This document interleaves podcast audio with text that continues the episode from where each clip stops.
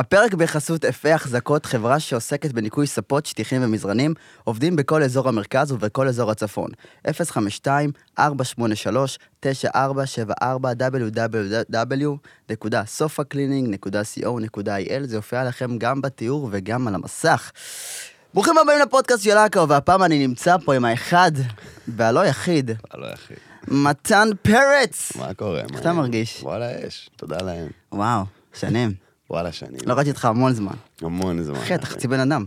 כן, אה, אתה יודע, אני אני סוף סוף בן אדם.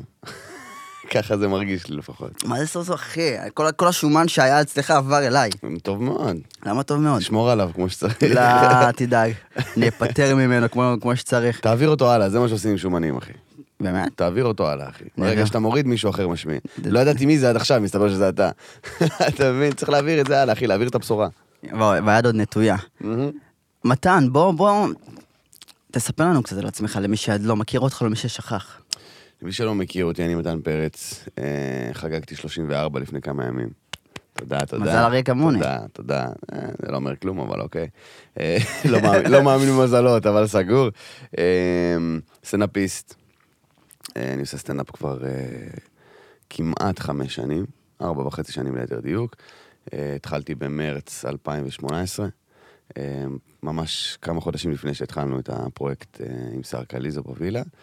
ומאז, אחי, אני עושה הכל ברשת, אני עובד בטיקטוק, באינסטגרם, בפייסבוק, בפודקאסטים, אחי, מה שצריך. ביוטיוב, מאוד חזק, שזה ממש בשנה האחרונה, ממש בשנה האחרונה, מעלה קטעים. כי זהו, אחי, סטנדאפ זה, זה החיים, אחי. וואו, אתה עושה הרבה.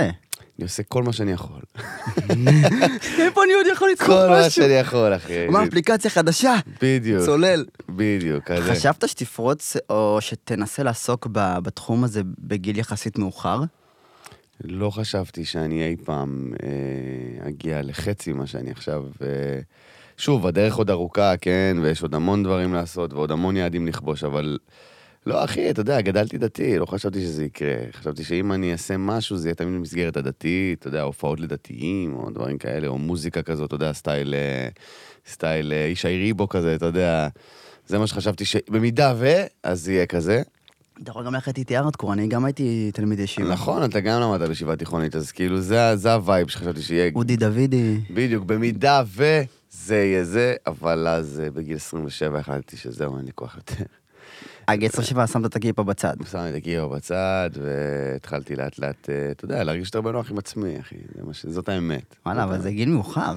זה גיל מאוחר כי זה הגיע מתוך הבנה אמיתית שזה לא בשבילי. זה לא הגיע מתוך איזה אימפולס, או אתה יודע, בצבא הרבה אנשים מורידים את הכיפה, או דברים כאלה, או ישר אחרי הישיבה, או whatever, כמו רוב החברים שלי. לי לקח זמן, חשבתי על זה המון, אחי, לקח לי המון זמן.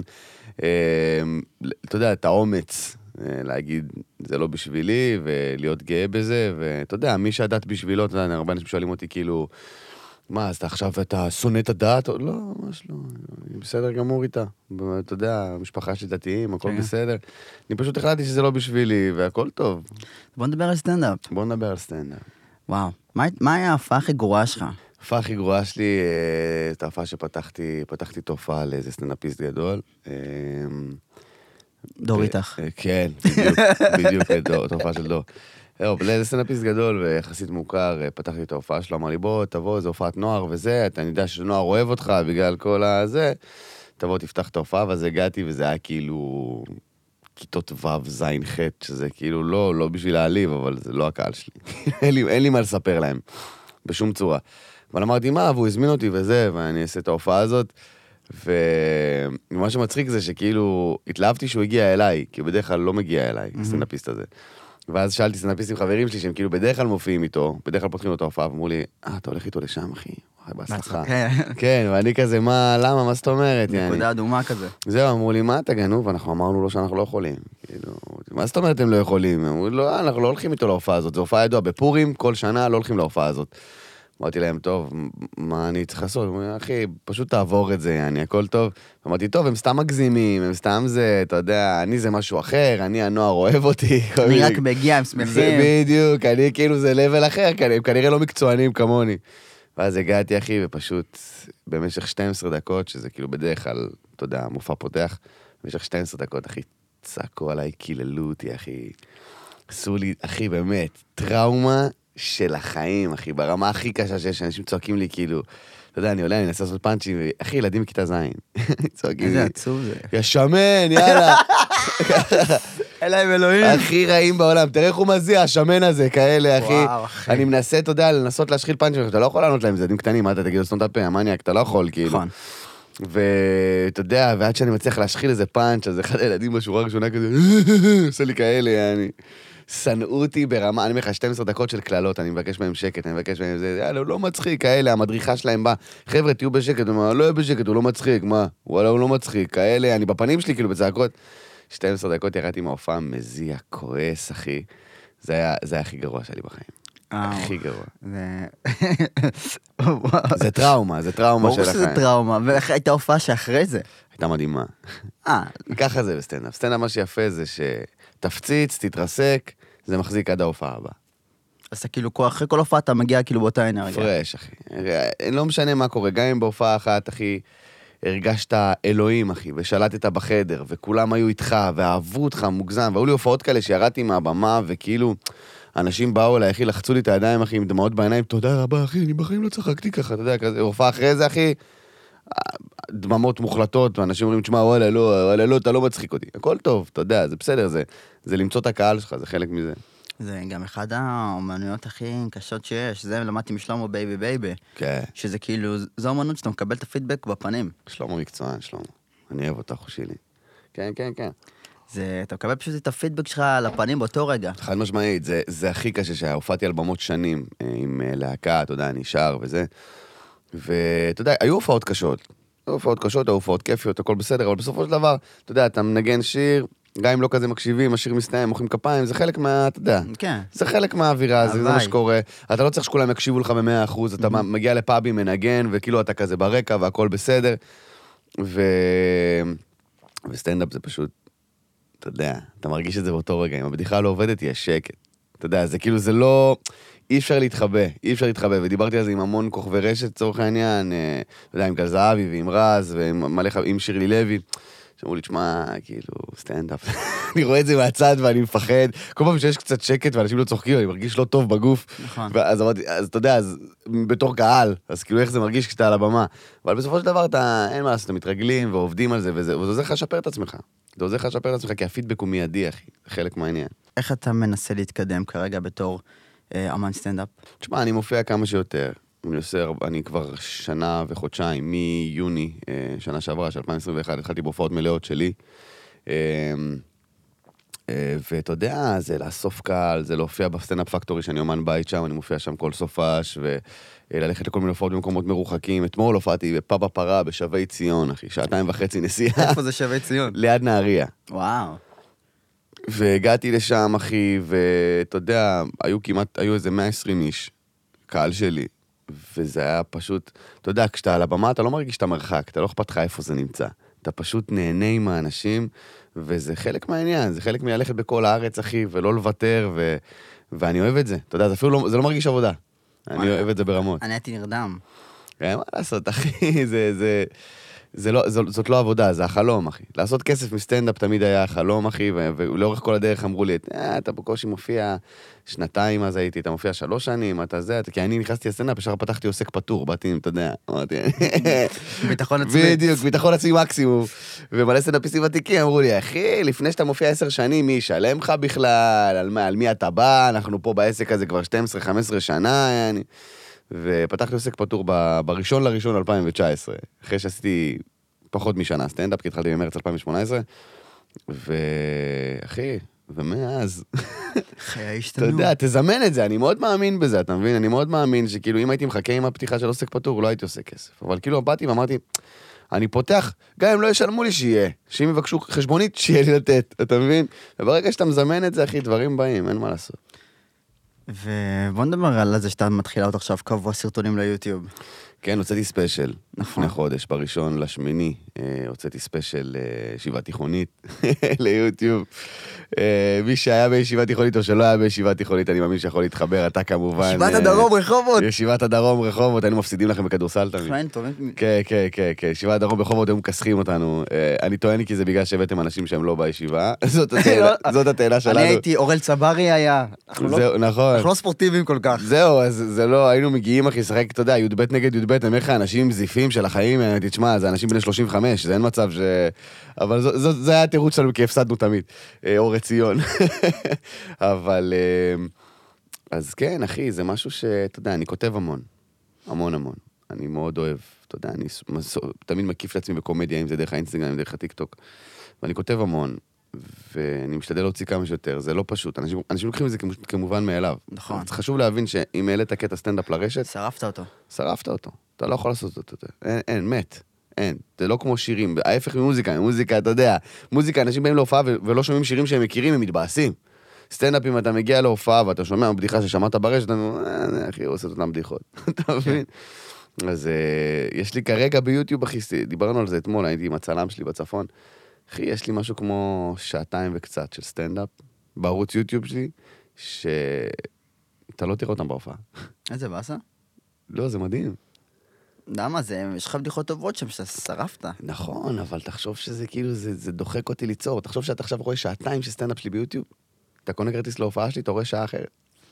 נכון, אבל אם נגיד יש לך סיטואציה שבה כן. כאילו יש לך בדיחה שכבר העלית, שמשתלבת לך כל כך טוב, ואתה אומר, אני לא יכול להשתמש בה. לא, זה לא נורא, כי זה, זה קרה לי. אתמול קרה לי, מישהו צעק לי, מהיר ועצבני, תעשה את הקטע של מהיר ועצבני. אמרתי לו, תשמע, זה עלה לרשת, אני לא, אתה יודע, אנשים פה שילמו כסף. כן, אתה מבין מה אני אומר? אמרתי להם, אמרתי להם, עשיתי קטע שלם על מהיר ועצבני, לכו תראו ביוטיוב, אני לא זה. תעשו לי subscribe, זהו, תירשמו לערוץ, אה, תפעילו את הפעמון. גם אליי. זהו, חד משמעית. אה, אבל אה, לא, זה, זה כיף, כי, כי ברגע ש... אני מעלה קטעים ליוטיוב שכבר אני מרגיש ש... שהם נבנו, שהם הגיעו לאיזושהי בשלות, ודי, כן, לשחרר אותם. אסור להתאהב בחומרים של עצמך, אסור. נכון. אתה מבין? כי ברגע שאתה מתאהב בקטע, אתה עושה אותו במשך שנים. ומספיק שבן אדם אחד ראה אותו פעמיים או שלוש או ארבע, אז הוא יגיד, לא, אז מה אני בא להופעה שלו, אתה יודע, עושה כל הזמן אותו דבר. ואני, כל הופעה שלי היא משהו אחר. כל הופעה שלי היא משהו אחר, כי אני תמיד מנסה לשלב, באו אליי, אתמול אנשים אמרו לי, שמע, היינו בהופעה שלך במורגן בחיפה. אמרנו נבוא היום עוד פעם, כי עבר קצת זמן, שמע, זו הופעה אחרת לגמרי. הייתי בטוח שתשנה קצת דברים, אבל כאילו הופעה אחרת לגמרי, כי אני באמת משתדל, אחי, לשנות כמה שיותר, לרענן. יש בדיחות שכבר אני נמאס לי להגיד אותן. זה- קשה, כאילו, אני לא יודעת כמה אתה כותב, אבל זה כל הופעה להביא משהו אחר, זה מאוד קשה. אני, אני, קודם כל כן, זה, זה קשה ברמות, ואני לא מכיר עוד סטנדאפיסט בארץ שעושה את זה, אה, אבל אני פשוט, אתה יודע, לא כל ההופעה שונה, כל הופעה, אבל אני יכול להגיד לך שמהופעה להופעה, יש תמיד שינוי של בין 30 ל-40 אחוז מהחומרים, אני עושה דברים אחרים, אני מנסה, כי יש לי יותר משעה, אתה מבין? יש לי הרבה יותר משעה של סטנדאפ. אז אם אני עושה את השעה הזאת, עכשיו עשיתי את השעה הזאת אתמול, עכשיו בשבי ציון, ביום רביעי בהופעה שלי באשדוד, אני אעשה 60-70 אחוז מזה, ואם יש אלתורים אז בכלל, זו, זו הופעה שהיא שונה, כמעט ב-50 אחוז, אתה מבין? כי אני לא יכול, כי יש דברים שכבר, זה כבר, נמאס לי להגיד, אתה יודע, זה כבר, די, בוא, יאללה, סבבה, זה פאנץ' שעובד, אני יודע שהוא עובד, יאללה, בוא נעשה דברים אחרים, אתה מבין? אז אה, אני לא יודע כמה זה חכם, כי זה המון המון חומר, זה המון המון חומר, אבל זה בשבילי, זה, שאני, זה שגם אני אהנה על הבמה, כן. אתה מבין? ועד גיל 27-8, שהתחלת כבר לעשות את התפנית הזאת של הדת ושל הסטנדאפ, מה עשית מאז השחרור מהצבא? וואי, עבדתי במלא עבודות. אני השתחררתי מהצבא, אני עבדתי, הייתי... אה, הייתי קצין ביטחון במלון בתל אביב, שזה היה כאילו מועדפת, והייתי מאבטח טיולים שנה וחצי. מה זה כיף. זה כן, היה נחמד, היה איזה חוויה כיפית, עשיתי עם תגליות. וכזה, היה אווירה, היה אווירה. אמ, ומה עוד, אחי, עבדתי בתור מציל, הייתי מוכר פלאפל. אה, מציל, וואו. כן, עבדתי בג'נטלמן, אה, מנהל חנות, מנהל סניף וזה, עד שעזבתי אותם, אה, כי הם חולרות. לא ממומן, מה לא שנקרא. ממומן, שיקפצו לי מיליון פעם. ומלא מלא שטויות, אתה יודע, בגלל זה נורא פגע בי שבקורונה, אתה יודע, הרי, הרי הפרויקט התפורר ב-2019, זה היה, 2018, סליחה. הפרויקט היה מ... אה, לא, כן, מ-2018, מהראשון לשביעי 2018 עד הראשון לחמישי 2019, שם הוא התפורר סופית. כאילו, בראשון לחמישי יצאנו מהווילה, ו... והיה לי תקופה מאוד קשה. הייתי, ישנתי איזה חצי שנה באוטו. וואו. אה, כן, לא יכלתי לחזור הביתה, לא הייתי מסוגל. לא הייתי מסוגל לחזור הביתה, ומצאתי את עצמי, אחי, בן 31, אה, בלי כסף, בלי כלום. הייתי צריך להתלבט בין לתדלק לבין לעשן סיגריות. כאילו, זה היה רמת ההכנסה שלי. ועובד בשתי עבודות. הייתי עובד בבוקר בסרוטונים, במשרד אה, פרסום, ובערב ברמן בפקטורי, במועדון סטנדאפ. ואתה יודע, אחי, ומגיע הלילה, ואני לא מסוגל לחזור הביתה, אז הייתי יושן או אצל סטוצים, איך אומר לך אמיתי, אחי, הכי פתוח, אמרתי לך, אני לא מצנזר כלום. הייתי ישן אצל סטוצים, או ישן פשוט באוטו, או נזרק בדירה של סער בראשון לציון, תלוי. ואז אחרי תקופה של חצי שנה כזאת, שהייתה מזעזעת מאוד, מאוד מאוד, התקופה הכי קשה שהייתה לי בחיים, זה היה ההתפוררות שלי. אמ, אחי הציע לי לבוא לעבוד איתו במשרד הביטחון, אחי דוד, כפרה עליו. אה, הציע לי לבוא, לבוא לעבוד איתו במשרד הביטחון באיזה פרויקט, אמר לי, תשמע, זה כל יום עבודה מ-7 בבוקר עד 3 בצהריים, מיון תחמושת בבסיסים של צה"ל, אה, עבודה פיזית, עבודה קשה, אבל זה 7 בבוקר עד 3 בצהריים, 8.5 אלף שקל בחודש, כל הערבים שלך פנויים, תופיע. אתה מבין? כי כן. נורא, נורא היה לי קשה בפקטורי, ב... אתה יודע, להיות ברמן זה שאתה ברמן אתה לא יכול להופיע, אתה מבין? אז אמרתי, יאללה. נכנסתי לעבודה הזאת והתחלתי לעבוד בה, עבדתי איזה חודש, חודשיים, ו... וכאילו הגעתי לאיזשהו איזון, שהסתדרתי מהעבודה, והייתי מופיע הרבה בערבים וזה, אז העליתי פוסט לפייסבוק, כי מלא אנשים שאלו אותי, אתה בסדר, אתה פה, אתה שם. והעליתי פוסט לפייסבוק של כאילו, לחברים שלי, לעדכן אותם. כאילו של, אני בסדר, הייתה תקופה נוראית, אבל עכשיו אני עובד בעבודה טובה, שטוב לי, אני עושה כסף, אני מצליח להופיע בערבים, אה, רק לעדכן אותם, שהכל בסדר, כאילו, הסתדרתי, הייתה נפילה קשה, אבל אתה יודע, חזרתי לעצמי. ואז משום מה, מאיזה fucked up reason, אחי, העלו את זה לסטטוסים מצייצים. וואו. את הפוסט הזה, אחי. עכשיו, כאילו, למה? גיוס המונים של תרומות למתי. זהו, זה לא פוסט כזה, אתה מבין מה אני אומר? זה לא פוסט כזה, זה פוסט של כאילו לחברים שלי. יעני. עכשיו, העלו את זה לסטטוסים מצייצים, ואני חסום בסטטוסים מצייצים. למה? לא יודע. כנראה הגבת משהו רעיל פעם אחת. אחי, כנראה חסמו אותי באזור 2015-2016, אחי, אני לא יודע. אנשים, אנשים כאילו שולחים לי הודעות, בואנה, ראיתי את הפוסט שלך במצייצים, ואני כזה, איזה פוסט יש לי במצייצים? אני לא קיבלתי שום התראה. אני לא יכול למצוא אותם גם כי אני חסום. אחי, אני נכנס דרך חברים, אני רואה את הפוסט שלי, אחי. ממש לקחו, העתיקו אותו. קודם כל, מי הרשה לכם, יא חולרות? מה אתם, כאילו, אתם חושבים שאתם מפרגנים לי? תשאלו אותי, כאילו, מי אתם בכלל? ו... ואז כאילו אני נכנס לתגובות, וכל התגובות, אחי, שזה מה שבאמת פגע בי. כל התגובות, כל כוכבי הרשת האלה, אה, פתאום, פתאום הם משחקים את הגיבורים כי הם עובדים בעבודה רגילה, מי אתם בכלל? מי זה? מי שמע עליו? מה הוא רוצה? אתה יודע, אוי, ממש נשבר לי הלב שאתה צריך לעבוד בעבודה כמו כולנו. תקשיבו טוב, יא בני זונות, אני לא יודע אם אפשר לקלל פה בפודקאסט, אפשר. לקלל, תקשיבו טוב, יא שרמוטה. אני 30 שנה עבדתי בעבודות הכי מגעילות שיכולות להיות, עד שסוף סוף חשבתי שזה יהיה ה break שלי הרי. הרי חשבתי שהפרויקט של סער, זה יהיה ה break הגדול. פה אני כאילו, אני גם עושה סטנדאפ במקביל, אני גם חלק מאוד אינטגרלי בווילה, כל הקומדיה בוולוגים בנויה עליי, כאילו. זה יהיה, יש סדרה באות. זה יהיה ה break. מפה אני נכנס להיות קומיקאי בשורה הראשונה ב fucking גיל 30, יעני, והדבר הזה מתפורר לי מול העיניים. אני מתרסק נפשית, אני לא מצליח לעצור את זה, אני גם רואה את זה מתפורר לי מול העיניים, ואני לא מצליח לעצור את זה, שאין יותר מתסכל מזה. לא משנה מה אני אעשה, לא משנה, אחי, אכלתי, ב- לראשונה בחיי, הראשונה והאחרונה, אני חושב, אכלתי התקף חרדה, אחי. אני מרוקאי, אנחנו לא מקבלים התקפי חרדה, זה לא קיים אצלנו. והפרויקט הזה הכניס אותי לכזה סטרס נפשי, שנכנסתי להתקף חרדה מטורף. וזה מתפורר לי מול העיניים. ו- ו- וסער, אתה יודע, מתחיל עם התסביכים שלו, ואין לי כוח ואני לא רוצה יותר, וזה ריבים, ופה שם, והכל נופל עליי.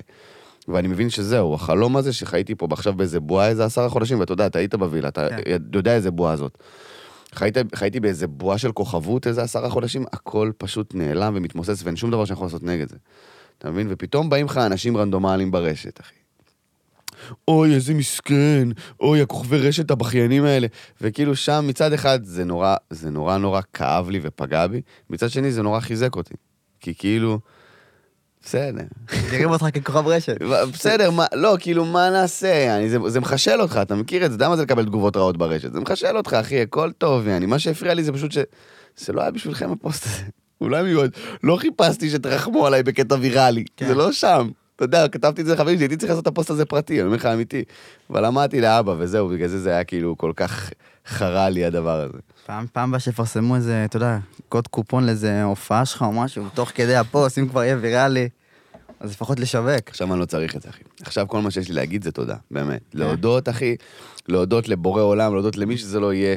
ל- באמת שאני במקום, אחי, לראשונה בחיי, אני הרגשתי את זה בגיל 33, לראשונה, קודם כל אני גר מחוץ לבית של ההורים, שזה כבר משהו שהיה, אתה יודע. חזרתי מהפרויקט של סער, אחי, בלי שקל בכיס, בלי שקל, בטח לחשוב עכשיו על שכירות. וזה. אנשים חושבים שעושים כסף מכל הוולוגים. האלה. אנשים אומרים, תחזרו לבלוגים, תחזרו לבלוגים, זה היה הסיוט של אה, החיים שלי. כן, רגע. זה הסיוט של החיים שלי. אני הייתי הכי מפורסם והכי עני, שהייתי כל החיים, אוקיי? מכיר את הרגשה הזאת? תודה רבה. ו... ואין יותר גרוע מזה שמזהים אותך ברחוב ואין לך כסף. זה הדבר הכי גרוע שיכול להיות. זה השילוב הכי נוראי. עדיף להיות אנונימי ועני, כן. או אנונימי ועשיר, מאשר מוכר ועני. זה הכי גרוע שיש.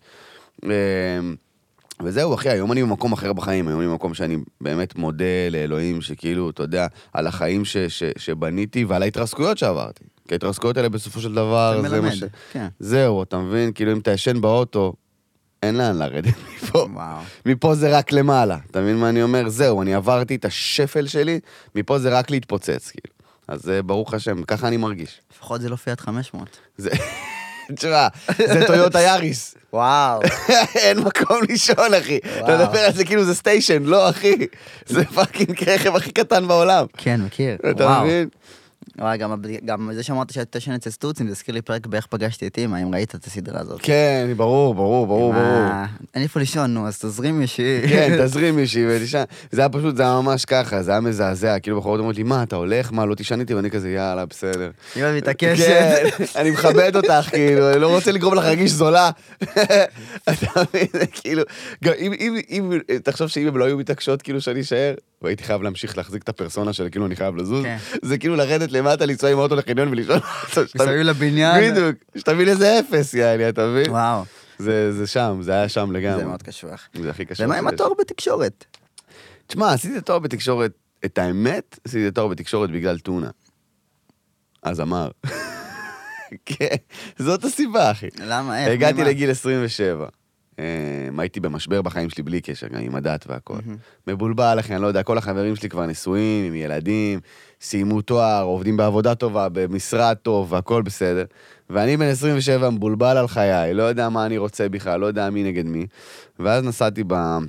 אני חושב נסעתי לתל אביב, לשבת עם חברים או משהו, אני לא זוכר אפילו מה זה היה. והשיר רוק 30 אה, הגיע ברדיו. ותשמע, אחי, זה תפס אותי לא מוכן. זה תפס אותי לא מוכן, אחי. כל המילים שם, כל הזה, ואתה יודע, האבוד בחריצים של הספה כמו שלט, ולא יודע מה לעשות, ולפעמים צריך ללכת גם כשלא יודעים לאן, ו... הנה, אני מדבר על זה אחי שזה, יש לי אור ברווז, אתה רואה? אחי, יש צמרמורת של החיים, וזה לא המזגן. זה השיר. ואמרתי, בואנה, תאפס על החיים שלך, אחי, אתה בן 27, אתה עוד שלוש שנים, רוק 30. משהו מדבר עליו. אתה עוד שלוש שנים משהו מדבר עליו. אתה פשוט כרגע. ונבהלתי, זה הבהיל אותי ממש. כי בדיוק סיימתי לימודי אה, מוזיקה, למדתי מוזיקה ב-BPM, בבית ספר למוזיקה. ואמרתי, טוב, למדתי מוזיקה ולא קורה עם זה כלום, ואני עדיין מבולבל ואבוד. ופשוט הלכתי לאחי, בדקתי על לימודים שמעניינים אותי. אמרתי, כי מה זה משנה? אני אעשה, לפחות אני אעשה תואר במשהו שמעניין אותי. אף אחד לא מכריח אותי, אף אחד לא יושב לי על הראש, אף אחד לא רוצה שאני עורך דין, עורך חשבון, זה לא מעניין. כי אחותי עורכת דין, אז כאילו הלחץ הלך לשם, הם גאים בה, אתה יודע, זה ירד גם ממני. אצל אחותי בכלכלה. יפה מאוד, בדיוק. אז כאילו היא נותנת את זה, היא גם נשואה, יש לה ילד, הכל בסדר. גם אצלי. ירד ממני הסטרס. אז אמרתי, אני, אני רוצה תואר, אבל אני אלמד משהו שמעניין אותי. ומכל הדברים שבדקתי זה רק תקשורת. תקשורת עניינה אותי, אחי. זה באמת, גם בתואר עצמו, בשלוש שנים שלמדתי, אחי, נהניתי. כאילו הייתי יושב בשיעורים, אחי, ואתה יודע, כולם היו איתי בני 21, 22, אתה יודע, אנשים שרק סיימו צבא, חזרו מטיול, ואני כאילו, תשמעו, זה מעניין, למה אתם לא מקשיבים? אתה יודע, כאילו, תקשיבו, זה חשוב. אתה יודע, זה היה ממש כיף, נהניתי מאוד מהתואר, אני לא עושה איתו כלום היום, אה, אבל למדתי ממנו והחכמתי ממנו דברים שמעניינים אותי, דברים שאני רואה היום ברשת, שאנשים מספרים כאילו זה איזה, שתדעו, ואני כזה, כן, אני יודע, למדתי את זה. אתה מבין מה אני אומר? אני- אני, יודע בדיוק מה, מה דרוש מזה. וזה, אני, אני שמח שעשיתי את זה. אתה יודע, יש לי, ב, יש לי בארגז כלים, תואר בתקשורת. נשלוף אותו כשצריך, אבל כרגע, אתה יודע, הכל טוב. וואו, עד שאני, אני, לא- אני לא יודע, רוב האנשים שאני מכיר שעשו תואר בתקשורת לא משתמשים בו. כן, כי אתה יודע, זה, זה, מה זה תואר בתקשורת, אחי? מי שכן משתמש בו, עובד בטלוויזיה, עובד ב- בערוצי חדשות, whatever, אתה יודע, זה להשתמש בו. עכשיו, אני אף פעם לא רציתי להיות מאחורי הקלעים. אף פעם לא רציתי להיות מפיק, או, אתה יודע, או כתב, או... זה לא עניין אותי אף פעם, תמיד רציתי להיות בפרונט. וכאילו פרונט, את מי לוקחים לפרונט? את מי. שעשה הרבה תקשורת? את לא. את, בדיוק. את, את היפים והנכונים, אחי, לוקחים לפרונט, אין מה לעשות. אז, אז חשבתי שאני אבוא בדלת האחורית, אתה יודע, ופתאום כן. בשנה השלישית של, של התואר התחלתי לעשות סצנה, ואמרתי, זה אני המיין, אני הפרצוף פה. לא צריך, אתה יודע, לעבוד עכשיו ארבע שנים כתקציבאי ברשת 12 כדי, אתה יודע, לבוא מה... קשרים, כן, לבמאי. היי, כן, אתה מבין? חסר לך בחור בן 30 ואני פה. בדיוק. אני מכיר את צילה, לא, סבבה, אחי, לא צריך את זה, אז כאילו, זה הכל טוב. נהנה, שמח שעשית תואר. גם למדתי ממנו הרבה, אבל הכל טוב. אז היום יש לך גם את הסטנדאפ, עם הערוץ יוטיוב. גם את המוזיקה, גם את האינסטגרם טיק טוק וגם פודקאסט. נכון. ופייסבוק. פייסבוק מת, מה יש לך? אה, קצת, אבל עדיין, תחשוב שלקוחות משלמים, לקוחות שקונים, לרוב באים מהפייסבוק. זה קהל יותר בוגר, זה קהל שרואה פרסום של הופעה, הוא יקנה כרטיס. באינסטגרם טיפה יותר קשה, בטיק טוק ממש קשה. אתה יודע, כי זה כאילו... זה לא קהל משלם יותר מדי, זה קהל טוב ואוהב ומפרגן, ואני חייב לטיק טוק הרבה מההצלחה שלי ברשת, אם לא כמעט הכל, אוקיי? על ההתפוצצות שלי שם, ופתאום 100 אלף עוקבים, ופתאום, אתה יודע, אתה אומר, אה, זה כבר משהו, זה כבר שווה כסף, אתה מבין? אני כבר לא צריך לעבוד בעבודה רגילה. כאילו, עבדתי בצהרון, אחי. עבדתי בצהרון עם ילדים בכיתות ב', אוקיי? ופתאום בזכות הטיקטוק אני כאילו, אני יכול לבוא לפה ב-11 בבוקר ביום חמישי, אתה מבין, הכל בסדר. אז אני חייב להם את זה מאוד, אבל, אבל כן, זה, זה משהו שהוא, זה לעבוד בכל החזיתות, זה מתיש, אבל, אבל ככה בונים אימפריה, אחי. אף אחד לא בנה מלנוח, אתה יודע. משנ"צים אתה לא בונה אימפריה, אין מה לעשות, אחי. זה חשוב, אבל זה לא בונה אימפריות. ולעבוד בכל הפלטפורמות האלה בלי סוף, זה משהו שאני... אתה יודע, אנשים אומרים לי, איך אתה, אתה יודע, איך עכשיו הבת זוג שלי, כאילו, אומרת לי, איך אתה... איך... מתן לא רווק, חברים. כן, סורי. איפה הייתם חמש שנים? אמ, היא אומרת לי, איך אתה, איך אתה יכול... אתה פתאום מעלה את זה לאינסטגרם, ומעלה את זה לפייסבוק, ומעלה סרטון לטיקטוק, ותוך כדי מעלה זה, ותוך כדי משתף את הפודקאסט שיצא, והיא אומרת לי, אתה לא מתחרפן מזה? היא אומרת לי, אם אני צריכה להיות באינסטגרם יותר מעשר דקות, יוצאות לי העיניים, כאילו, ואני רואה אותך יושב על הפלאפון שעה וחצי, עובד, לא עכשיו בקטע של כאילו, לצפות בתכנים, עובד. אמרתי לה, תקשיב, זה לא מרגיש עבודה. אני כאילו, אני יודע שזאת עבודה, וזה הכי קידום ושיווק רשתי, whatever, פשוט לעצמי, אבל אני, אני מחויב לזה. כן. מח... זה כמו לנשום בשבילי, אני מחויב לזה, אני לא יכול, כאילו, אתה יודע, אני לא מעלה סטורי שלוש שעות, אנשים שולחים אותו, אתה בסדר? הכל טוב, אתה איתנו, דאגנו לך. כן, זה משהו שאני מחויב אליו, ואני אוהב אותו, וזה גם בונה אותי בסופו של דבר. אני רואה את, ה... את, ה... את הפירות של זה ממש במיידי. אתה מבין? אתמול מישהי באה אליי ואומרת לי, תדע לך שאני לא ידעתי שיש לך הופעה פה, אני מנהריה, אני עשר דקות מכאן. אבל אתמול, כאילו שלשום, העלית פוסט שיש לך הופעה, וראיתי את הפוסט, אמרתי, יאללה, בוא נקנה כרטיסים. אתה רואה את האנשים מדברים איתך כאילו בקטע של... ה- ה- האימפקט הוא מיידי. אז כאילו, למה שאני אפסיק? אתה מבין? זה, זה מה שעושה. אני מת על זה שאנשים מגיבים לי ביוטיוב וזה, מגיבים לי ביוטיוב ובאינסטגרם שאני מעלה קטע סטנדאפ. אל תפסיק לעולם. לא חשבתי אף פעם. אתה מבין? מכיר את זה? קורה לי גם, אני אתה. מכיר את זה? לא שקלתי אף פעם להפסיק. כאילו, וואי, אתה ממש טוב בזה, אל תפסיק אף פעם. לא, לא חשבתי. זה לשתי הצדדים זה קורה לי, גם אתה אל תפסיק, וגם אתה חייב להמשיך. אתה חייב להמשיך, חייב כן. להמשיך, אני כזה, זה מה שאני... אוקיי.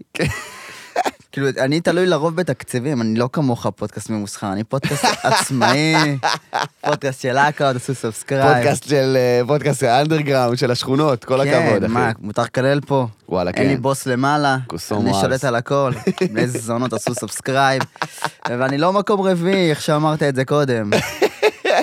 היה לנו קרב לפני שהתחיל נכון. הפודקאסט. היה לנו פה טרשטוק על פודקאסטים. כי הוא מקורב לצלחת. תקשיב, אני אף פעם בחיי לא הרגשתי עם פרוטקציות. הפעמים היחידות שהרגשתי עם פרוטקציות בחיי זה היה כשהתגייסתי לצבא. כי אבא שלי היה תת-אלוף בצבא, והרגשתי שכאילו, יש לו קצת קשרים, הוא יכול להזיז דברים. זה הפעמים היחידות שהרגשתי. כאילו בעולם הבידור, אתה יודע, אני לא... פרוטקציות זה הדבר האחרון, אני הכי מנותק מכולם.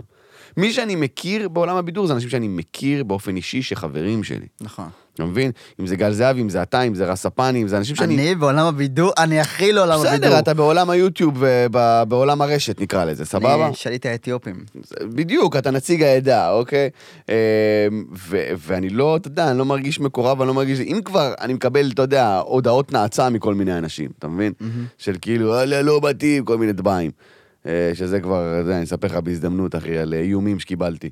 אה, כן, כן, אחי, אמיתי. גם אני מקבל איומים, אחי. איומים מאנשים ברשת שחיים בסרט שהם איזה משהו, אתה יודע. אבל בסדר. ו- ופתאום עכשיו שאנשים מסתכלים ואומרים לי, לא, אתה מקומבן. אני לא.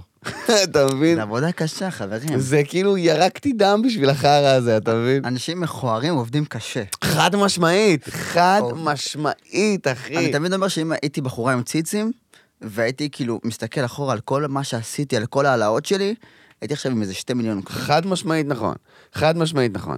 ו- וזה לא שיש לנו בעיה עם בחורות עם ציצים, כן? כל הכבוד לכם, אתם מדהימות, אין כמוכם. אה, אני בעד. אבל, אבל כאילו, לעבוד, כשאתה בא, אתה יודע, כשאתה בא מנקודה של כאילו, כל מה שיש לי, זה הכישרון שלי. כן. אין לי את החזות הנכונה, אין לי את הלוק המתאים, אני לא גר במקום הנכון, אני לא מסתובב עם האנשים הנכונים. כל מה שיש לי זה את הכישרון שלי. ולבנות מזה, זה הדבר הכי מתיש, והכי סזיפי, ובגלל זה הרבה אנשים גם נשברים באמצע. נכון. עזוב, זה לא בשבילי, אחי. זה לא, לא קורה כלום. אתה מבין? זה לא קורה כלום, אני, לא- אני מנסה, אני לא מצליח. אתה מבין? אבל אתה לא יכול לנסות חודשיים ולהגיד ניסיתי. אנשים פשוט צריכים להבין שעד שאנשים אה, כמוני כמוך באמת מגיעים לתודעה ומכירים אותנו, זה אחרי המון דם ויזע. אנשים לא רואים את זה. אנחנו לא באנו בבום. ממש לא. זה... אני, אני אישית 12 שנה רץ עם יוטיוב. זהו. אתה- זה כאילו... אני שמעתי אומן אמריקאי אה, שאמר, אני לא זוכר את שמו, אבל הוא אמר, לוקח עשר שנים אה, לפרוץ בן לילה. וואו, יפה. שזה אחד המשפטים שתפסו אותי ממש, זה אחד הזמרים האמריקאים, אני חושב שזה הסולן של אירוסמית, אני לא זוכר, לא רוצה להגיד סתם, אבל זה משפט שתפס אותי, כי אתה אומר, אה, אלה, אתה יודע, פתאום אתה שומע איזה להקה חדשה, או איזה זמר חדש, או, או, או איזה סטנדאפיסט חדש, אתה אומר, אה, הנה, החדש הזה. אחי. אתה מבין? זה המון המון המון המון עבודה. עד שהוא הגיע לך לתודעה, הוא עבד מאוד מאוד קשה, אתה מבין? בגלל זה גם הריאליטי וכל הדברים האלה, המפורסמים ברגע, גם לא מחזיקים, אחי. כן, זה נעלם ברגע. ואז הם הולכים להיות די-ג'אים. כדי לנסות לתחזק את הקריירה שלהם. ג'וזי. אתה מבין? לא יודע אם ג'וזי, אבל אתה יודע, יש כל מיני אנשים שאתה אומר, הנה, הוא התחיל להיות די, הבאנו אותו למסיבה. נו באמת, נו באמת, כל מיני שחקנים שמתחילים לעשות סטנדאפ. חלאס, די, די. חבר'ה, אם אתה לא בא משם, אז, אז, אז מה אתה עושה? אתה מבין? אתה מנסה לשמר איזושהי תהילה שנעלמה. חייבים, זה התמכרות שלהם לנהל תהילה מסוימת, אז הם זהו. מנסים לשמר את זה. זה חד משמעית, וזה עצוב. זה עצוב, שאתה רואה אנשים שכאילו היו באיזשהו פיק מסוים, שאתה לא הגעת אליו, אבל הם, הם, הם היו באיזשהו פיק מסוים, שכל המדינה דיברה עליהם וכולם מכירים אותם, ואתה אומר, אני פה, אני פה ללונג רן. אתה מבין? כן. אני אומנם רץ מתחתיך, אבל בזמן שאתה דופק כאלה, אני פשוט עולה לאט לאט למעלה, וזה בסדר. וזה בסדר וככה צריך להיות. וזה מה שהבנתי אחרי שהתרסק הפרויקט. כי הייתה, היה איזשהו זינוק ברמה שלא הייתי יכול לצאת מהבית, מסיבות, דברים וזה, אנשים, אה, אתה פרץ, וואלה, מה עשית עם הוולוגים, אחי, אני מת עליה. לא, מצ... לא יכולים להיכנס לקניון, לא היינו יכולים להיכנס לקניון, היה איזשהו פיק מטורף.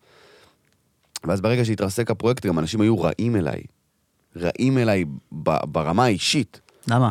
בקטע של כאילו, וואלה, הודעות גם, אתה יודע, אם אתה מפסיק לעקוב אחרי מישהו, אל תשלח לו הודעה שהפסקת נכון. לעקוב אחריו. זה מביך. זה לא שדה תעופה, אתה לא צריך להודיע על זה תוריד שאתה עוזב. עוקב ותמשיך הלאה. תוריד עוקב, תמשיך הלאה, הכל בסדר, יעני, אתה יודע, כל האנשים האלה שכותבים לך, החלטתי לקחת הפסקה, אתה על הזין שלי, אחי. פשוט לך, אתה לא צריך להודיע. ואנשים שולחים הודעות, כאילו, הודעות שתבין איזה חארות. הודעות, אחי, של כאילו, אה, מאז שאתה לא עם שיער בווילה אתה כבר לא מעניין, וואלה, הורדתי עוקב, אחי. איזה באסה? עכשיו, כאילו, בהתחלה הייתה הודעה אחת כזאת, אמרתי, בסדר, וואלה, מבין אותו. שנייה, שלישית, אחי, מבול של הודעות. זאת אומרת, סיימתי את הפרויקט עם 30 אלף עוקבים באינסטגרם, הגעתי לאיזה 22 אלף. וואו, דרסטי. 22, 23 אלף, כן. יפה. ועם מאות הודעות של כאילו, מה עם שיער? לך תעשה עם שיער סטורי, מה, אתה לא, אה, אתה כבר לא עם שיער, אז לא משנה, אחי. כאלה, אני. ולא מבינים כמה זה מרסק לך את הנפש. אתה אומר, אני גם בן אדם בזכות עצמי, מה, אם... ואז הוצאתי, היה לי, וואי, לא גאה בזה, אבל היה לי סריה של, אה, של סטורים כועסים, אחי. אבל כועסים לא בקטע של כאילו כועסים קומי. שיפסיקו כבר עם כל ה... כועסים אמרתי להם, מי שפה, כי הוא מקווה לראות את סער באיזשהו סטורי שלי, ש fucking יוריד ממני עוקב, כי אם הוא לא יוריד ממני עוקב, אני אחסום אותו. ת- תניחו לי. די, היה פרויקט, נגמר, מת. מי שצריך את סער, שיפנה לסער, אבל הוא לא עונה, אז חשבתי שאולי אתה תגיד. תניחו לי, די, בבקשה, די. ואז אחרי הסטורים האלה, גם, אתה יודע, האחים שלי אחרי זה שלחו לי הודעה, אמרו לי, אחי, נראה לי קצת הגזמת, אני בכעס. אי אפשר- להגזים עם כעס. אני אה, גם. אני אני אישית, כשאני מפרסם סטורי, אני לא מגביל את עצמי בכעס. גם אני לא. אני יוצא על כולם, גם מזכיר אנשים, גם זה, כי אני כולם על הזין שלי באיזושהי צורה. בדוק, אחי, זה גם הסטורי שלי. נכון. זה, אתם עוקבים אחריי, אתם אומרים, אתם לא רוצים לראות, אתם פשוט יכולים לא לעקוב, זה בסדר גם, נכון. אני לא... אמרתי את זה מלא פעמים לאורך השנים. אתה יודע, אנשים באים לך בדרישות, למה אתה לא עושה את זה? תעשה את זה, למה אתה לא... תשלם לי, אני אעשה. תגידו, אחי, אתם לא משלמים כדי לעקוב אחריי באינסטגרם. נכון. זה תוכן? שאתם מקבלים חינם. אתם מקבלים את כל התוכן שלי באינסטגרם, בטיקטוק, בפייסבוק וביוטיוב, אתם מקבלים אותו בחינם. אתם מקליקים ומקבלים את התוכן שלי בחינם. מאיפה האומץ לבוא בדרישות? אני יכול לקבל המלצות, דברים שאתם אוהבים יותר, נכון. אוהבים פחות, אני תמיד אוהב הכוונה. אבל לבוא בדרישה של כאילו, תעשה את זה, אחרי, אחרי ה fucking special של ישיבה תיכונית, 33 דקות שהעליתי ליוטיוב של סטנדאפ, אני סטנדאפיסט ארבע וחצי שנים, אחי. אין עוד בן אדם בארץ, במדינה הזאת או בעולם כולו, שהוא סטנדאפיסט ארבע שנים והעלה חצי שעה ליוטיוב של 100 אלף צפיות בשבועיים. לא קיים, סבבה? לא קיים. הקטע הזה עולה, פתאום הודעות. יאללה, תעשה עוד כאלה, תעלה עוד, תקנה כרטיס להופעה, יא בן זונה. הוצאתי על הספיישל הזה איזה חמש, שש, שבע אלף שקל על צילום, על עריכה, על כן. זמן, על... אתה מבין? כאילו, כל הכסף שנכנס, שנכנס לי מההופעה הזאת, יצא החוצה על צילום ועריכה, אוקיי? אז כאילו, לך תזדיין. תביא לי עוד תוכן בחינם, למה אתה לא נותן לי עוד תוכן בחינם? תקנה כרטיסים להופעות. אנשים חושבים שכאילו, אני, הכרטיסים להופעות, אני מתעשר מהם. אני לא בשלב הזה עדיין. אני בשלב שכאילו כל כסף שנכנס אליי, אני מחזיר אותו חזרה לתוך העסק. נכון. אני משלם לצלמים, לאורחים. אתה מבין? כאילו, אני מוציא את זה חזרה, אני נוסע למקומות, אני טס, אני מתעד, אני כאילו... אתה מבין? כן. אני ממש בשלב של הכאילו, נכנס כסף, יוצא כסף, נשאר קצת בצד, זהו, אני לא איזה מליין. אתה יודע, אנשים שולחים לי הודעות שכאילו, יאללה, מה אכפת לך, תן חינמים. זאת העבודה שלי, אחי. כן. מה, אני בא לשווארמיה, אני אומר לו, מה אכפת לך, תן לאפה מתנה. וואלה, לא, אחי, תביא את הכסף, תקבל את האוכל, אתה מבין מה אני אומר? זה- זה זה מטורף, זה מטורף זה בעיניי. חלק מהצד שהצופה לא מבין את התהליך. אני, אני, נכון. הת- התמזל מזלי שאני עוסק עם מצלמות וצילום. אתה, זה, את- כן, מקנא בך כאילו- מאוד על זה. אז כאילו זה היתרון הכי גדול שלי by far, שאני עושה את כל מה שאני עושה לבד, כן. כי אני מסוגל לעשות את זה. אתה חוסך עלויות בקטע מטורף, ו- וזה משהו שאני פשוט אין לי סבלנות. אני, מב... אני משלם בזמן. אתה משלם בזמן חד משמעית. זה לא שאתה עכשיו אה, לא מוציא כסף, אתה חד משמעית מוציא כן. כסף, וזה השקעה, וזה דברים שאנשים לא מבינים וגם לא מעריכים. תעשו sub, תעשו sub, תעשו sub. כן, לגמרי, זה משהו שאנשים לא מעריכים, מה, אתה יודע, כל מיני אנשים, אתה מצלם, יאללה, נו, אז תצלם, מה זה משנה, אתה כבר פה, כל מיני, אחי, זה לא עובד ככה. כמו שתגיד לי, נהג מונית, נו, אתה גם ככה נוסע לשם. כן, זה גם ככה נוסע לכיוון, קח אותי. אתה כן. תקבל בוקס לראש, אתה מבין? זה לא... אותו דבר, אני מרגיש שיש שם, שיש, שיש בישראל, יש, אני עוקב אחרי המון אה, אומנים מחו"ל, מן הסתם כמו כולנו, אבל בעיקר סטנדאפיסטים ואנשים שמהתחום שלי וכזה. אחי, בישראל יש זלזול באמנויות הבמה שהוא פשוט מחפיר, אחי. זלזול בקטע אגרסיבי של כאילו, יאללה, מה זה, נו? מה? לא תביא איזה חינם? לא תעשה איזה זה? לא, אחי. זה עבודה שלי. כן. אני, אני כאילו, אני בונה את עצמי, אני מוציא הרבה יותר כסף ממה ש... אתה מוציא 70 שקל? סבבה, אתה בא להופעה שלי, אתה מוציא 70 שקל, עכשיו 75 שקל לכרטיס, כי זין שלי, ואני מעלה מחירים, אתמול מישהו בא אליי, אמר לי, בואנה, 70 שקל לכרטיס זאת עקיצה. ככה אמר לי, אמר לי, תשמע, עקצתי אותך, אחי, זה שווה יותר. אמרתי לו, סגור, מחודש הבא זה 75. אתה מוציא 75 שקל על כרטיס, 150 על כרטיס זוגי. אני על ההופעה הזאת, על הצילום והעריכה שלה, אני מוציא איזה 4,000 שקל. כן, גם לפעמים גם זה השכרה של מקום, והגברה שאתה מביא. אתה משלם דמי אולם, אתה משלם כן. שיט, אתה משלם זה, אתה משלם לקופאית שיושבת בכניסה, אתה... אתה מבין מה אני אומר? אתה כן. משלם, אתה משלם גם אה, עמלה לאתר אינטרנט שמנהל לך את המכירת כרטיסים. כאילו אנשים, אתה מבין? זה כאילו אנשים אומרים מה הוא עושה? עולה, מדבר שעה. לא, זה כל היום לשבת, לכתוב, לנסות, להופיע בבמות כאלה דלוחות. כאלה דלוחות, אחי. כדי לנסות חומרים, כדי להגיע להופעה מלאה ולתת שעה של פיצוצים לפנים, שבן אדם יצא עם כאבי בטן. אז מה אתה חושב, שאני בא, אני כותב, מגיע להופעה הזה? לא, אני לא מנסה עליכם חומרים בהופעה שלי. אני בא מוכן. אני בא אחרי שחרשתי במות בכל הארץ, אחי, הופעתי בכפר סבא ובחדרה ובכל מיני... אתה יודע, עליתי לעשר דקות בשביל לנסות חומר ש... שיגיע לבן אדם שמגיע להופעה שלי, שיגיע אליו טייט, אז זה לא השעה הזאת, אתה מבין? זה לא השעה שאני על הבמה. לא על זה אתה משלם לי. אתה משלם לי על חודשים... של אימונים. גבי חודשים של אימונים ובדיקת חומרים והתרסקויות וכאב לב ו... ונסיעה לחורי תחת ודלק ומה שאתה... וצילום ועריכה, ואתה משלם על זה 75 שקל. כדי לבוא לראות שעה. בואו, שתיכנסו לפרופורציה. אתה מבין מה אני אומר? זה העניין. ואנשים לא מבינים את זה, אנשים גם אוהבים לזלזל בזה. ואין בעיה, הכל טוב, אני גם אומר את זה, חבר'ה, אם אתה חושב, אם אתה חושב ש-70-75 שקל זה יותר מדי, אל תבוא. לא בקטע רע, לא בקטע של אל תבוא, תעוף לי מהעיניים, בקטע של, אם זה יקר לך, אני מכבד, אחי. זה כמו שאני לא קונה דברים שאני לא יכול להרשות לעצמי, הכל בסדר. יקר, הכל טוב. באהבה, אוהב אותך, תמשיך לעקוב, אתה תקבל את התוכן שלי גם ביוטיוב ובאינסטגרם. זה לא שאם אתה לא, אתה יודע, מי שלא קונה כרטיס תופעה, אני חוסם אותו, כן. כל הפלטפורמות. אתה תמשיך ליהנות מהתוכן שלי בחינם ובאהבה, אנשים שולחים לי הודעות, אחי, וואלה, אני מת לבוא להופעה שלך ואין לי כסף. הכל בסדר, זה בסדר, אני ממשיך לעלות תכנים, הכל טוב, כשיהיה לך כסף תבוא. כן. באהבה רבה, כאילו, זה ה... חשוב שאתה יודע, להבהיר שכאילו אין פה כעס. אני מבין, אני גם, אני בגיל 30 לא היה לי כסף. מדבר איתך לפני ארבע שנים. לא היה לי עכשיו 70 שקל להופעה. בגיל 30, שזה הכי ביזיון ובושה שיכול להיות. וואלה, כן, לא היה לי כסף, לא היה לי כסף לדייטים. לא היה לי כסף לדייטים, לא היה לי כסף לצאת עם בחורות. אתה מבין? ברמה שאם הייתי יוצא עם בחורה, אחי, הייתי, קודם כל הייתי אוכל לפני זה בבית, מגיע לדייט, וכאילו, אתה יודע, אחי, תזמיני מה שאת רוצה. ומתפלל כזה שיספיק כן, לך בכיס. אחי, נשבע, תזמיני מה שאת רוצה, יעני, בקטע של כאילו, אני לא, אני, את לא תרגישי שאין לי כסף, אבל תזמיני מה שאת רוצה, ואני פשוט, אתה יודע, אני עם המים, אני זה, אני הכל טוב, משלם, מוציא עליה את כל ה-300, 400, 500 שקל שיש לי כרגע בכיס, וחוזר הביתה ברגל. וחוזר הביתה כאילו בקטע של, טוב, אני אתדלק מחר, אני מקווה שיהיה לי כסף. אתה מבין מה אני אומר? כזה, אני. אבל, אז אני מבין מה זה להיות גמור ועשוק ברמה של כאילו, אין לי כסף. אמא שלי אמרה לי, מה, אתה לא יוצא לדייטים, אתה לא זה, אמרתי, אמא, אין לי כסף. אין לי כסף לקחת בחורה לדייט. אפילו לא לדייט פשוט. אתה יודע, אתה יודע, הרי קולנוע בינינו, זה זה אחד היקרים. זה- תקשיב, מ- מ- מ- בוא נגיד, מקשת הדייטים, מהמם. קולנוע הוא בין הזולים. לא בהכרח. כרטיס 40 שקל, 45 שקל, קח. 200, עוד פופקורן וזה, זה זה 200 שקל. סבבה. לקחת אותה למסעדה, אתה יוצא בפחות מ-200 שקל? תלוי, יש מצב. איפה? אה, לקאו, איפה אחי? היום עם כל ה... אתה יודע, האפליקציות שלי, אז אני סבבה אה, רצח. סבבה, אתה ילד של גרופון, אבל הכל טוב אחי. לא, אתה מבין, אתה הולך עכשיו. נגיד ישבתם בפאב עכשיו, ישבתם, אמרה לך בוא נשב על בירה. אתה מבין? היא בירה, אתה בירה, או היא יין, אתה בירה, או היא קוקטייל ואתה בירה, או whatever, כי היא לא תשתה לבד. אחי, החשבון לא פחות מ-200 שקל. אצל אדם רגיל כן, אני סאחי מת, אני שותה מים אתה קולה. בסדר, כי אתה לא שותה אבל אלכוהול. כן, אני מבין אבל מה אתה יוצא עם אומר. בחורה, אתה יודע, לפחות בקולנוע אתה מודע לעלויות. אתה יודע בדיוק, זה ככה, זה ככה, סיימנו, ארזנו את הערב הזה, נגמר. אבל, אחי, לא, יכול, לא הייתי יכול לצאת למסעדות, לא הייתי יכול לעשות שום דבר, אחי. שנאתי את עצמי ברמות, כאילו, נכנסתי לדיכאונות מאוד מאוד קשים, אחי, כי אני מסתכל על עצמי, אני אומר, אני בן 31, ואני הכי כישלון שאני, שהרגשתי בחיים שלי. חוץ מהסטנדאפ, ש, שבו הולך לי טוב, אבל עדיין אני לא עושה כסף, כן, אבל הולך לי טוב, כל במה שאני מגיע אני מפציץ. חוץ מזה, כל שאר תחומי החיים שלי אני כישלון חרוץ, כאילו. ו, ומה שיפה בסטנדאפ זה שהוא הרים איתו את כל השאר. זה מדהים. הוא הרים איתו את כל השאר, אחי. הסטנדאפ הרים איתו את הפודקאסט, הרים איתו את היוטיוב, הרים איתו את, הטיק טוק, את האינסט... הכל. אתה מבין? כי כשהתרסקתי, כל מה שהיה לי זה סטנדאפ. זה כל מה שהיה לי. הייתי ישן באוטו, אחי. אתה יודע, יורד, תחשוב, תחשוב, תחשוב על הפרדוקס של לעלות על במה, להפציץ, יעני, ברמה של כאילו, הקהל שלך, יעני, יש אווירה של... מי זה המטורף הזה? חוזר, אחי, מרים את הזה, אחי, ישן באוטו, יעני. אתה מבין? כן.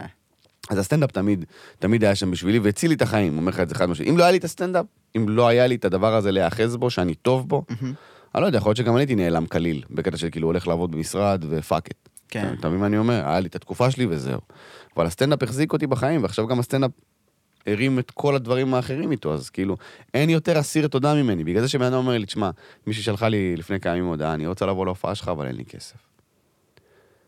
אמרתי לה, תקשיבי. את לא אומרת לאף אחד, אבל תבואי. תקשיבי, באיזה הופעה את רוצה להגיע? היא אומרת לי, אני רוצה להגיע להופעה בתל אביב. אמרתי לה, היית בהופעה שלי כבר פעם? אומרת לי, לא. ואני מתה לבוא. אבל אומרת לך אמיתי, כאילו, לא בקטע של יקר, לא יקר, פשוט, פשוט אין לי כסף. אני, היא מתנדבת במד"א, אני זה, אני מנסה וזה, אבל אתה יודע. אמרתי לה, הכל בסדר. תבואי. אומרת לי, מה לבוא? מה זאת אומרת? תבואי, את רוצה לבוא עם חברה גם? תבואי, אני אתן לך שני חינמים, יחכו לך בכניסה. הכל טוב. למה? לא כי אני איזה פילנטרופ. כן, כן, לא, לא, ברור. כי היא באה באמת מהלב. כן. אתה מבין? היא באה... מלא אנשים שולחים לי, אין לי כסף להופעה שלך, תביא חינם. הם יכולים ללכת אלף להזדיין, אוקיי? אל תבוא אליי בדרישות. אבל כש, כשבחורה, אתה יודע, שעוקבת אחריך שנים, ו- ו- ומפרגנת, ומרימה, ותמיד משתפת, ותמיד עושה זה זה זה, לא שזה קריטי לי, כן, אבל אתה רואה פשוט שהיא עוקבת. כן. אתה רואה שהיא באמת, היא לא סתם מתה עליך, תביא חינמים, אתה מבין? אתה רואה באמת שהיא זה, והיא אומרת לי, תקשיב, סורי, אני מתה לבוא להופעה, אני מתה לבוא להופעה, פשוט אין לי את הכסף. הכל בסדר. אחרי הפודקאסט תקבל מלא הודעות כאלה. אז. לא, אז זה, זה מה שאני אומר, זה מה שאני אומר, זה לא שעכשיו אני מחלק חינמים, כי וואלה לא, זאת, זאת הפרנסה שלי, כן. ובלי הכסף מהכרטיסים אני לא צריך לצלם ואני לא צריך להתקדם, אין מה לעשות. אבל פעם ב... פעם ב... שאתה רואה הודעה אמיתית וכנה ממישהו, אז, אז למה לא, אתה מבין? זה כאילו, אני אספוג את ה-150 שקל האלה לכרטיס הזוגי, תבואי תהני. אתה מבין? כי בן אדם ש, שרואה אותי מופיע ובא להופעה שלי, אני מאמין באמת, באמת ובתמים שיבוא שוב. אז הרווחתי פה, הרווחתי פה בן אדם, אתה מבין? ואין יותר מדהים מזה. לפעמים אנחנו, לא יודע, כי אנחנו רואים מספרים, אתה יודע, 60 אלף, 70 אלף, אתה פתאום מאבד, אתה מאבד את, ה, את הקשר לזה שאלה אנשים, נכון, זה בני אדם. נכון. אתה מסתכל על זה כמספרים.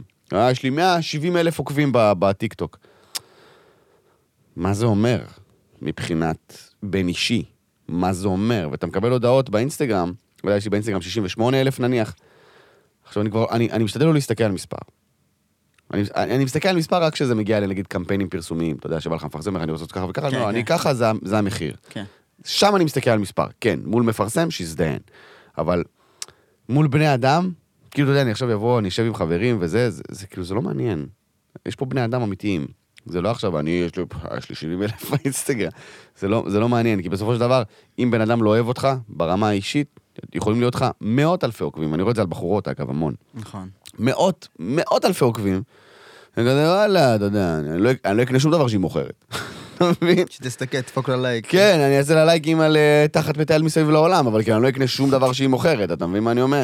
ואני, אם אני לא מביא, מה שנקרא באנגלית butts in seats, אם אני לא מביא תחתים לכיסאות, אחי, כל המספרים האלה לא שווים כלום. נכון. זה, העניין, אתה מבין? זה, זה, כאילו כן, גם, כאילו הייתה לי שיחה עם מישהו שהיה אצלי בפודקאסט לפני יומיים, כאילו הוא היה אצלי ושיחה הייתה לפני יומיים, שהוא באמת בא והמחיש לי את הכמות שכאילו, את המספרים, כי אני אומר, מה, אני רק 40 אלף, כולם פה עם 300, 400 אלף, אמר לי, שלומי, 40 אלף זה אצטדיון סמי עופר, זה כאילו. ואז הוא הכניס לי לפרופורציה. שבאמת יש כאילו קהל, וגם הוא אמר לי, מחמאה אישית שלי, אני, אני מתנשא, אני נרקיסיסט. לך על זה, לך על זה. שיזדיינו כולם. כן. הוא אמר, 40 אלף שלך זה 40 אלף של, שבחרו לעקוב אחרי שלומי. נכון. לא 300 אלף שבחרו לעקוב אחרי טרנדים. נכון. זה הקהל שלי איכותי. זה, אני תמיד אמרתי ותמיד אומר, תן לי עשרת אלפים איש, חמשת אלפים איש. שיקנו כרטיסים מאשר... שיקנו כרטיסים, כן. מאשר 300 אלף איש שפשוט סתם עוקבים אחריך. זה לא מעניין. זה לא מעניין בסופו של דבר, אתה מבין? כן. זה מה שחשוב, זה אנשים שתומכים באומנות שלך. כי היום מאוד קל לעקוב אחרי מישהו, כמו שמאוד קל, לא, מאוד קל להפסיק לעקוב אחרי מישהו. נכון. זה מאוד, זה בלחיצת, ליטרלי, בלחיצת כפתור. אז כאילו, מה זה בעצם אומר? אתה מבין? ואם זה לא אנשים שמוכנים לתרום ל- לאומנות שלך, אוקיי? כי, כי מה, מה, מה, שבן אדם, שבן אדם קונה כרטיס להופעה שלי, מה הוא אומר בעצם? אני אוהב את מתן והוא מצחיק אותי ואני רוצה להיות נוכח. ואני מאמין באומנות שלו. כן. אני, אני שם את הכסף שלי, שהרווחתי אני, אוקיי? בחיי הפרטיים, בעבודה שאני עובד, בוואטאבר שאני עושה, אני לוקח, אני מפריש מהכסף הזה, כי אני מאמין בבן אדם הזה. והכסף הזה, אני מקווה שיעזור לו להצליח ולהתפתח. ככה אני רואה כל בן אדם ובן אדם שקונה כרטיס להופעה שלי. ואין מחמאה יותר גבוהה מזה. מהמם. אין, אין מחמאה יותר גבוהה מזה בעיניי. אין מחמאה יותר גבוהה מזה בעיניי, לא קיים. שבן אדם אומר לך, אני לא מדבר, אני שם כסף. קח כסף כי אני מאמין באומנות שלך. זה שווה לי הכל, לא מעניין אותי מספרי עוקבים ולא מעניין אותי תוכניות בוקר, זה לא מעניין אותי. כל הדברים האלה אני עושה אותם כדי להביא אנשים להופעה. וכשבן אדם בא ואומר לי, תשמע, ראיתי את הסרטון שלך וזה, אמרתי, אני חייב לבוא להופעה שלו, זה בן אדם שאני מביא לו חיבוק. אתה מבין? כאילו, אני באמת מעריך את זה. אנשים באים אליי אחרי הופעה ואומרים לי, תשמע, באתי מהפודקאסט, באתי מהזה, באתי מהזה, הייתי חייב לבוא וזה. אחי, זה מרגש אותי באמת. אני אומר להם, תודה רבה, אני סופר מעריך את זה, וזה לא עכשיו כזה, תודה, תודה, תודה רבה. תודה." לא, זה באמת מרגש אותי, כאילו, איזה כיף ש- ש- שמילאתי אולם עכשיו, של 120 איש, שמאמינים באומנות שלי ושמו כסף כאות הוקרה ל... כן. תצליח, אני אוהב אותך. קח. זה שונה מהיחס ל- לאנשים סתם בקניון. כן, תודה.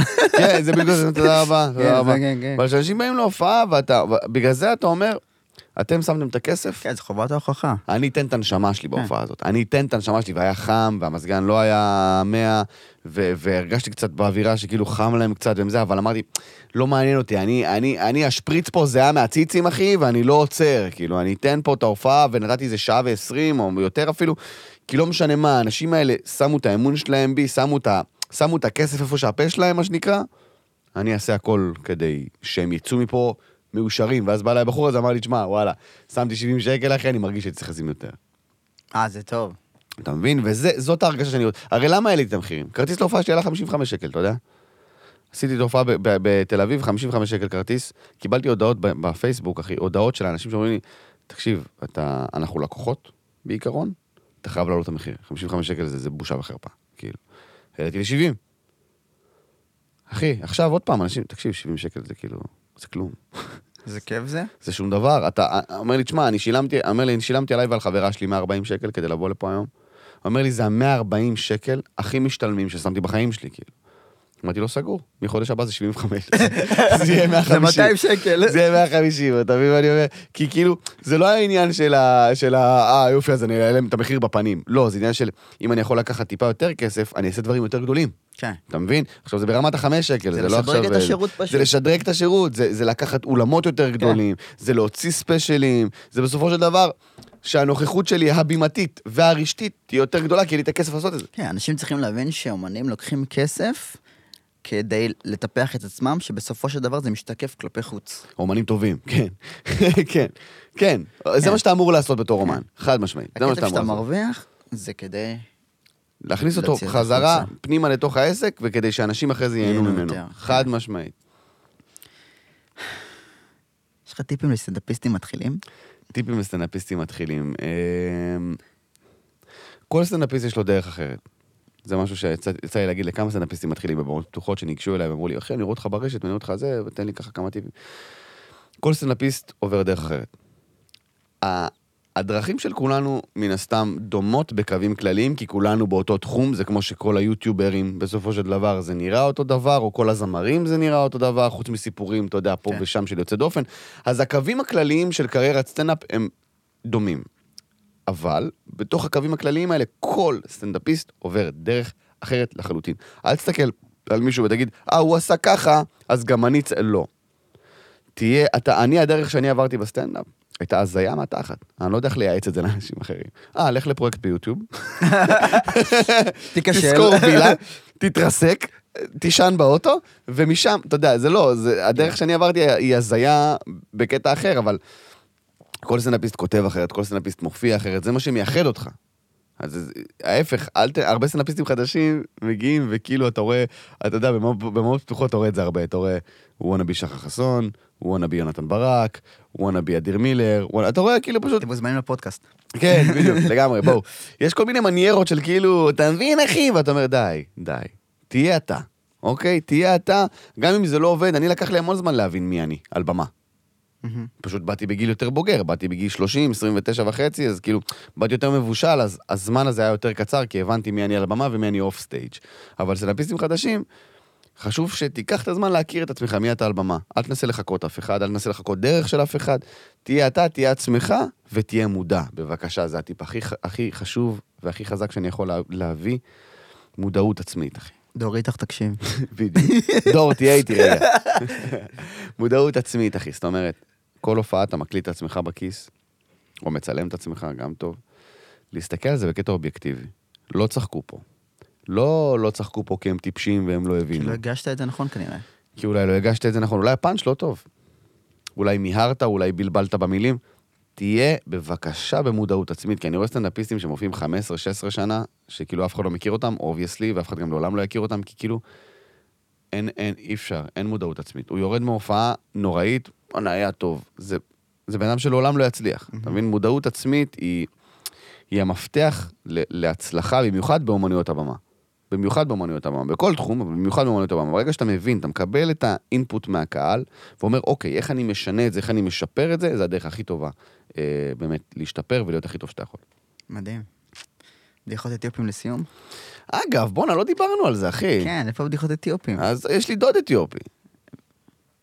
מאומץ, או נשואה. מאומץ. באמת? כן.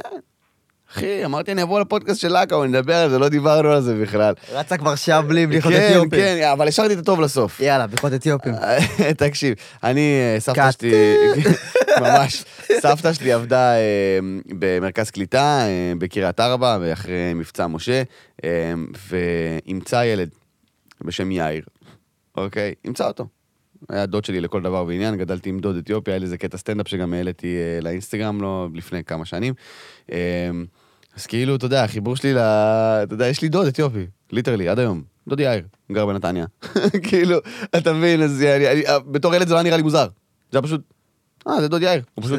הוא פשוט שחום יותר מהשאר, זה הכל. גם אף אחד מהדודים שלי לא, לא נתן לו יחס אחר, בגלל שכאילו זה, זה דוד יאיר. לא, זה כאילו חלק מהאחים, אתה מבין? אז כן. כאילו, אז כשאני מסתכל על, על כל העניין של גזענות ודברים כאלה, אתה יודע, הרי יש לי בדיחות שחורות ויש לי בדיחות גזעניות במופע, כי זה קומדיה וזה צחוקים וזה הכל בסדר. אוקיי, זה ברמה של כאילו, זה בדחקה, זה לא בא כן. להעליב אף אחד. אבל כאילו, סתם שיבינו על הרקע שלי, אני כאילו, אף פעם לא הסתכלתי על, אתה יודע, האתיופים, מה ההבדל? אתה מבין? זה, זה כאילו, מה זה משנה? זה, זה נראה לי הכי... אני לא מצליח להבין את זה, ו- וזה בזכות סבתא שלי, כן? כי זה כאילו... לא רואה שום הבדל, אין לי עניין, וזה אני מאוד מעריך שמגיל קטן, רק כשהגעתי לחיי הבוגרים וראיתי שזה אישיו, אתה יודע, לא ידעתי, לא היה לי בראש שזה אישיו בכלל, אתה מבין? אז זה רק בחיי הבוגרים הבנתי שזה כאילו, שומע? לא לכולם יש דוד אתיופי. כאילו... לי יש כמה וכמה. אתה- יש לי 30. לאתיופים יש דודים אתיופים, אבל אה, אה, לנאצ'ים אין. אה, או, איזה מילים. חביבי, אני גדלתי, אני גדלתי, אני, אתה יודע, אני שונא אנשים שאומרים, אני מאוד אוהב את העדה.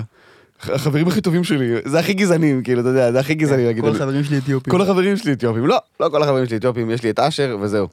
זה מספיק.